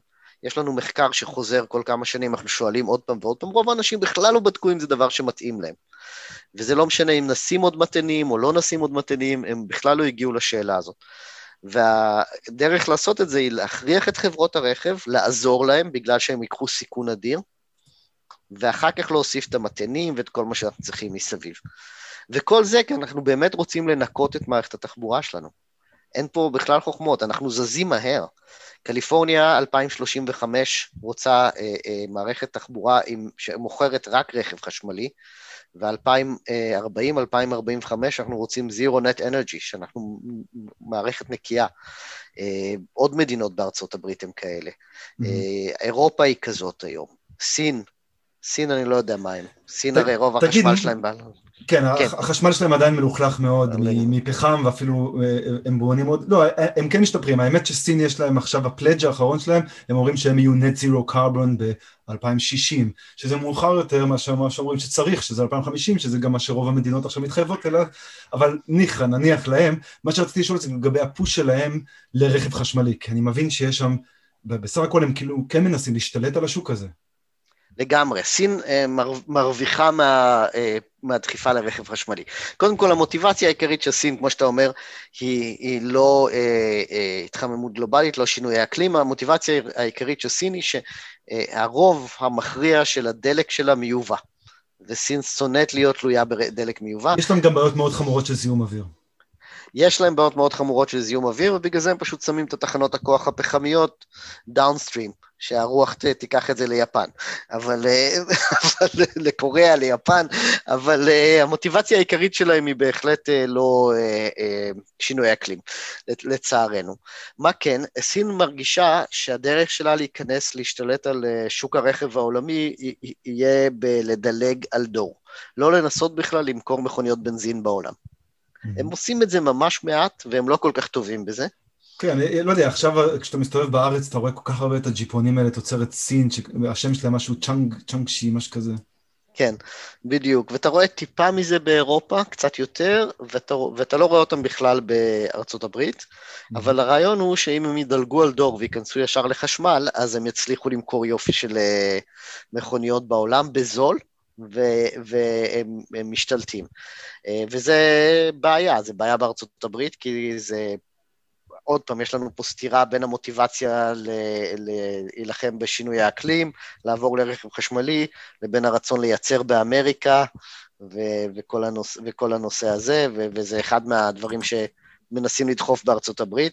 זה בעיה באירופה, כי אה, יצרניות הרכב באירופה נאבקות קשה לשרוד כבר, כבר כמה שנים, וזה אפילו בעיה ביפן ובקוריאה שנלחמות בסינים. אני לא יודע לאן זה הולך. לסינים יש, יש מערכת מאוד, אה, מאוד טובה, הם משקיעים המון כסף ממשלתי, ומייצרים כלי רכב שהופכים להיות טובים יותר משנה לשנה. הבנתי. אז um, אני גם קראתי לאחרונה, היה איזה כתבה בניו יורק טיימס על זה שהסינים עכשיו, ובכלל בזמן הפנדמיק, פותחים המון מפעלים כאלה, הם מנסים אפילו להציף את העולם ברכבים חשמליים כזה ללא מותג. כמו שהם הציפו את העולם ב... לא יודע, במכשירי חשמל כאלה ללא מותג או כאלה, אז הם פשוט אומרים יאללה, רכב חשמלי, אותו, אותו דבר, וזה גם מסתדר כאן, כאילו, אה, במשך שנים עולם הרכב היה תפוס על ידי אה, מותגים מאוד חזקים, שגם אמרו הרבה דברים לגבי מידת האמינות שלהם והבטיחות שלהם, ופתאום הסינים מנסים להעיף את כל זה. כן, הסינים עשו uh, את אותו דבר בדיוק בתחום של תאים סולאריים.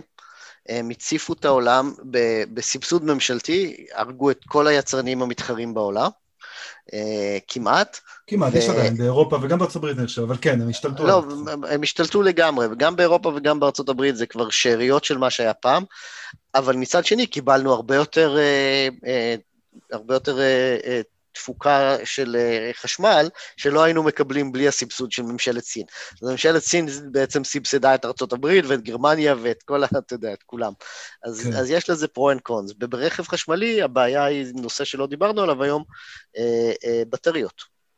אה, גם המינרלים אה, שאנחנו צריכים בשבילם, והם איפה ואיך, וגם מי יכול לייצר אותם, ובעצם מי, מי יוצר את ה-capacity שאחר הם יכולים להשתלט על זה ולהוביל את העולם ב, בתחום הזה. והסינים עובדים על זה מאוד מאוד חזק.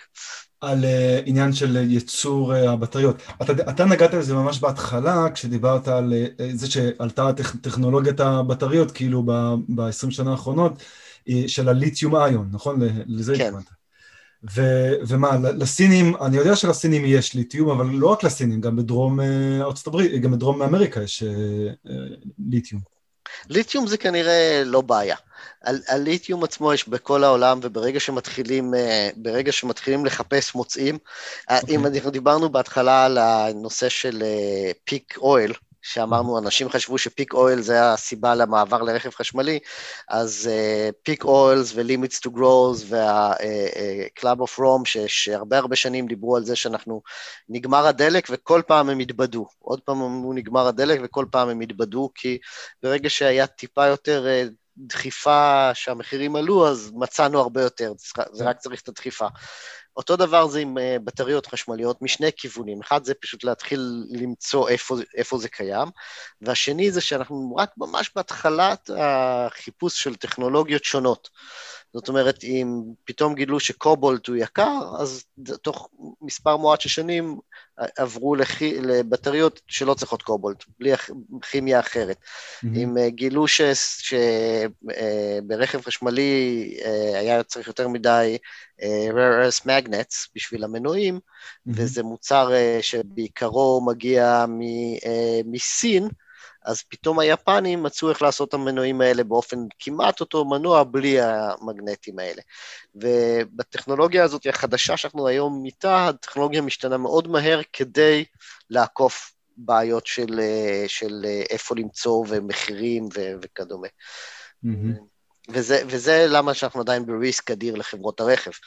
כי, הם עדיין לא יודעות אה, מה, מה הטכנולוגיה, כאילו... מה, מי המנצח? הם עדיין לא יודעים מי המנצח, והם יכולים להשקיע סכום עתק בטכנולוגיה אחת, כי הם חושבים שאם יבנו עשרה מיליון או מאה מיליון מכוניות עם הטכנולוגיה הזאת, ובסוף, אחרי חמש מיליון המכוניות הראשונות, מישהו אחר עושה טכנולוגיה יותר טובה, והם צריכים לזרוק את ההשקעה בעצם.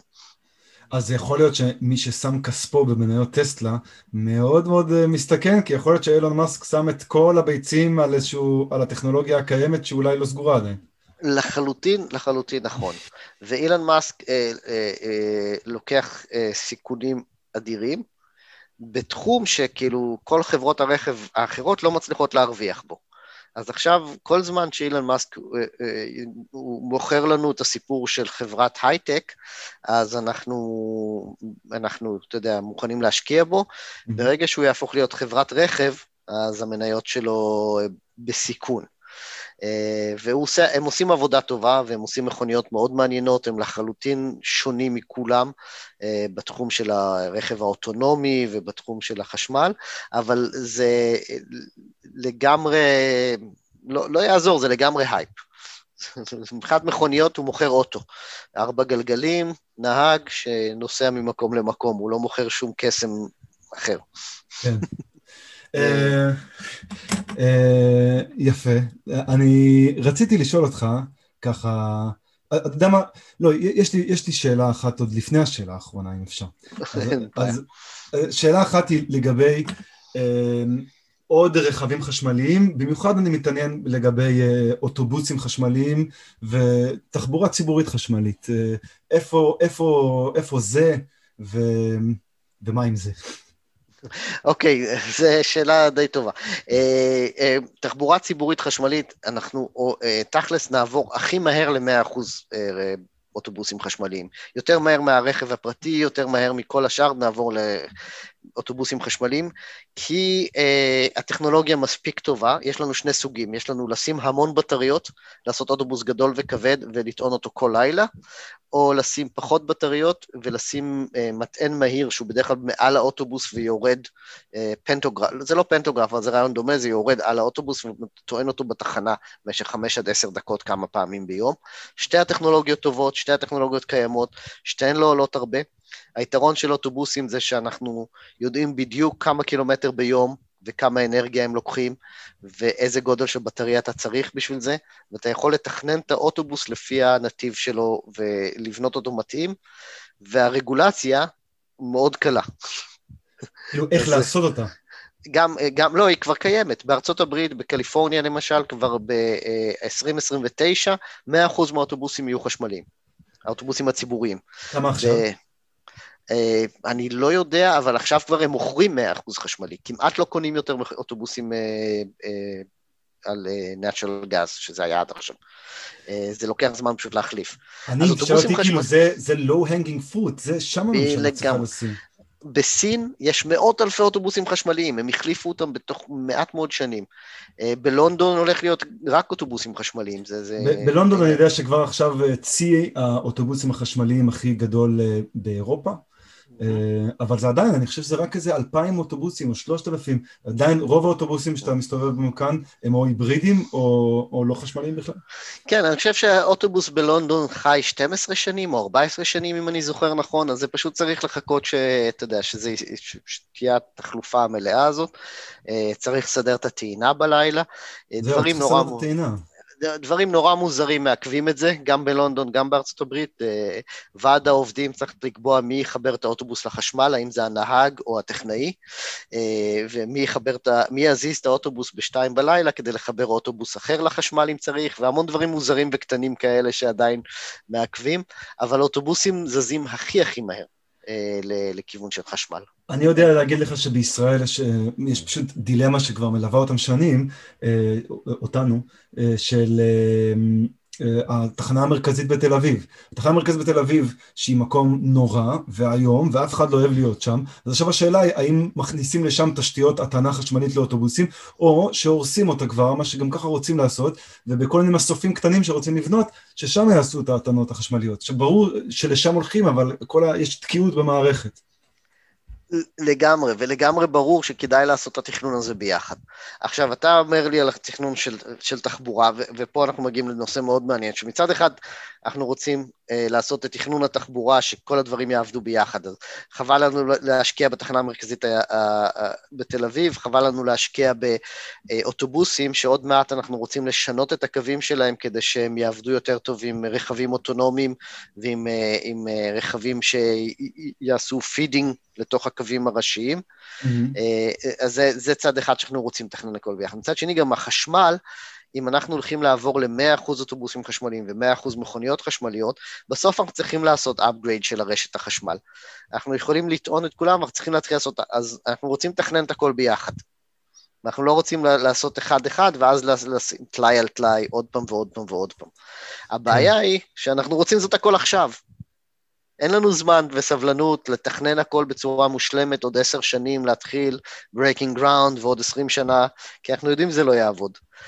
אה, ובגלל זה אני בעסק הזה כבר הרבה שנים, וברור לי שאני לא הולך להיות מובטל, כי אנחנו, כי אנחנו צריכים להיות עונפית וכל הזמן לראות מה הפתרון הטוב ביותר בתנאים שיש לנו, ולחשוב על השינוי הזה בעתיד. זה כן. מלחמה, זה כל הזמן. אני רציתי לשאול אותך שאלה לסיום, שקשורה אולי להתחלה-התחלה של איך הגעת לחקור דווקא את הרכב החשמלי. נכנסתי לרשימת המחקרים שלך בשנים האחרונות, הרבה מאוד מחקרים על רכבים חשמליים, אה, כולל מחקר אחד מצוטט מאוד של אנשים שקנו רכב לא חשמלי, ואז עוברים, אה, סליחה, שקנו רכב חשמלי, ואז דווקא עוברים חזרה לרכב לא חשמלי. ומה שאני רציתי לשאול אותך זה שבמחקרים שלך מלפני נגיד עשר שנים, עשרים שנה, נראה שחקרת נושא כמו... אה, איך מעודדים ילדים לנסוע באופניים נכון. לחוג הכדורגל שלהם. אה, אז מה, האקדמיה לא מתעניינת באיך מעודדים ילדים? כי הרי תכלס, תכלס, שם הפתרון למשבר האקלים. אם לא נצטרך להסיע את הילדים כל הזמן, לא משנה באיזה רכב, למשחק כדורגל, אלא הם יוכלו לנסוע לבד בשבילי אופניים בטוחים למגרש. לגמרי, אני מסכים איתך לגמרי, אבל אה, אני, אני לא רוצה להגיד שצריך לעשות את זה או את זה, אנחנו צריכים גם וגם. אה, לגמרי אני מסכים איתך, אנחנו צריכים לעשות את זה ואנחנו עושים את זה, אה, ו- אבל אה, אני חושב שאנחנו צריכים גם וגם, אני חושב שאנחנו צריכים להיות ריאליסטים בנוגע לכמה אנחנו יכולים לשנות את העולם, ולא לנסות לחכות לפתרון, כמו שכל הזמן אני מנסה, אני חושב, להגיד את זה, אני לא מחכה לפתרון, לא, לא, לא, לאיזשהו פתרון סילבר בולט שיתקן הכל. אני מנסה לתקן את הבעיות שיש מולנו עכשיו. אנחנו לא נשנה את שינוי, את שימושי הקרקע בארצות הברית. uh, לא, לא, בצורה משמעותית, כי זה תהליך שלוקח 50 שנה, זה לאט מדי. זה mm-hmm. פשוט לאט. שימושי קרקע זה תהליך איטי. אני, אני בהחלט בעד לזוז בכיוון, אבל רוב שימושי הקרקע בארצות הברית כבר, כבר קבועים. אה, זה ייקח עשרות שנים לשנות את זה. את המכוניות אני יכול יותר מהר, כי מכוניות מתיישנות מהר ואנחנו יכולים להחליף אותן. אנחנו צריכים אה, להוציא את האנשים מהמכוניות, אנחנו צריכים להוציא את האנשים אה, מהבתים הגדולים שלהם, אנחנו צריכים לש, לשפר, להפסיק את הנסיעות, אתה יודע, אנחנו מדברים על נסיעות הארוכות ועל הטיסות וכל זה. באמת אנחנו צריכים את כל זה? כולם צריכים את כל הנסיעות הארוכות והטיסות, הרי אין לזה באמת סיבה. ואחד הדברים שאני כל הזמן עובד עליו, ואני לא יודע אם ראית, ראית את העבודות שלי על telecommuting, uh, זה לא. לי... telecommuting לא עבודה, עבודה מהבית. עבודה מהבית. Uh, יש לי מאמר, אני חושב שזה ב-2010, 9, משהו כזה. אוקיי. Okay. Uh, שהלכתי ובדקתי את כל המחקרים על telecommuting, meta analysis של כל המחקרים על telecommuting משנות ה-70 ועד שפרסמתי, mm-hmm. בארצות הברית. בשנות ה-70 אמרו בקליפורניה לא צריך לבנות יותר freeways, כי אנשים יעבדו מהבית, כבר לא יהיה לנו פקקים בבוקר. אוקיי. Okay. ובאמת, זה היה חלק מהתוכנית, זאת אומרת, אנשים יעבדו מהבית, בשביל מה צריך. ובסוף אנשים uh, ממשיכים לעשות את הדברים האלה, שאנחנו לא רואים, רואים אותם כסאב-אופטימליים, ויש לזה סיבות טובות. Uh, ואני חושב שבנושאים שאני עובד עליהם היום זה אותו דבר. אנחנו, אני חושב שזה נהדר אם אנשים ייסו, יעבדו מהבית, או אנשים יקנו רכב אוטונומי או חשמלי, אבל אין סילבר בולט. צריך להמשיך לעבוד על כל הדברים ביחד ולדחוף בכל החזיתות ביחד. אה, לגמרי. אני, אה, הסיבה שאני לא עובד על, אופנ, על אופניים, זה שהתחום הזה שאני מתעסק איתו עכשיו, לקחתי את אותו, אותו בסיס ידע שלי של התנהגות נסיעות, והייתי מהראשונים שנכנסו אליו, של רכב חשמלי והתנהגות נסיעות. אז uh, פשוט היה נושא נורא מעניין להיכנס אליו. אני מבין, אני מבין. Uh, וזה נושא, זה נושא מעניין מאוד, אז אתה uh, רכב חשמלי, לדעתי. כאילו, כולם ממהרים לדבר עליו, ואפילו כבר קצת כזה לבנות עליו, אבל שוכחים שזה לא הולך להיות קל, זה בכלל לא הולך להיות קל. לגמרי לא. יש לנו, אני לא, אני לא יודע אם אתה מכיר את הספר שנקרא Three Revolutions של דן ספרלינג, שהוא פרופסור שעובד איתי. ה-Three Revolutions שאנחנו מדברים עליהם זה רכב חשמלי, רכב אוטונומי ו-shared. אובר ליפט וכל השד האלה. אוקיי. וש, ושהוא כתב את הספר, אני חושב שהספר פורסם לפני שלוש שנים, משהו כזה, אז uh, הוא אמר לי אז, אה, את החשמלי כבר פתרנו, עכשיו זה השניים האחרים. וזה לא נכון. וזה לגמרי לא נכון. לא פתרנו. לא, לחלוטין לא, והשניים האחרים אנחנו עוד רחוקים הרבה יותר.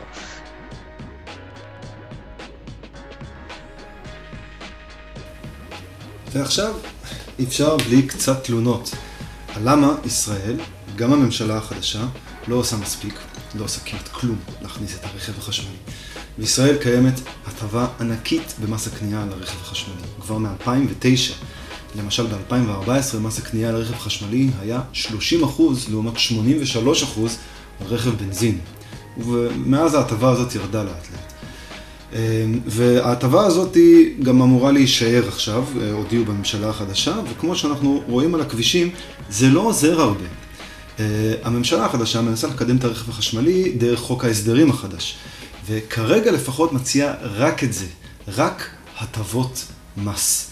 וכפי שאמר גיל בשיחה, צריך רגולציה. מה לא עובר בישראל? העברת האחריות ליבואני הרכב. ההצעה שניסו לקדם, שרות התחבורה, הגנת הסביבה והאנרגיה, אה, הייתה לחייב את יבואני הרכב, בדומה לאיחוד האירופי, אה, שם זה גם יבואנים ויצרנים, לייבא אחוז מסוים של רכבים חשמליים. חייבים פשוט להעביר רכבים חשמליים, שיהיו בחנות, שאנשים יוכלו לראות אותם. את זה שר האוצר הנורא החדש, שניתן להניח שיבואני הרכב תופסים אותו יפה יפה יודעים איפה, לא נותן להעביר. תוסיפו לזה גם תוכניות עלובות כרגע לאוטובוסים חשמליים, עם תאריך יעד רחוק מאוד ולא מחייב ל-2035. 2035, עוד מלא זמן, אה, וזה עוד בלי קשר לבעיות עם אה, אה, תחנות מרכזיות ומסופים שלא נפתרות. עצוב, ישראל יכלה לעשות הרבה יותר אם זה היה כמו שצריך במדינה מתוקנת, אה, היה גבוה בסדר העדיפויות. ובקיצור, עם הממשלה, עם ממשלת השינוי החדשה הזאת, עם ממשלה שכל מי שקובע בה משהו, מהווה אם כבר שינוי לכיוון ימין כלכלי קיצוני, אנחנו לא נראה רכבים חשמליים בכמות משמעותית על כבישינו בשנים הקרובות. וזה, אם יורשה לי, חבל מאוד. תודה רבה לגיל טל, פרופסור גיל טל מקליפורניה. אני אשמח לדבר איתך גם בעתיד על הרכב האוטונומי והשיתופי, כרגיל לדי.ג'יי טרומפלדוב על הביט והונגה על העיצוב. עד כאן האורבניסטים להפעם.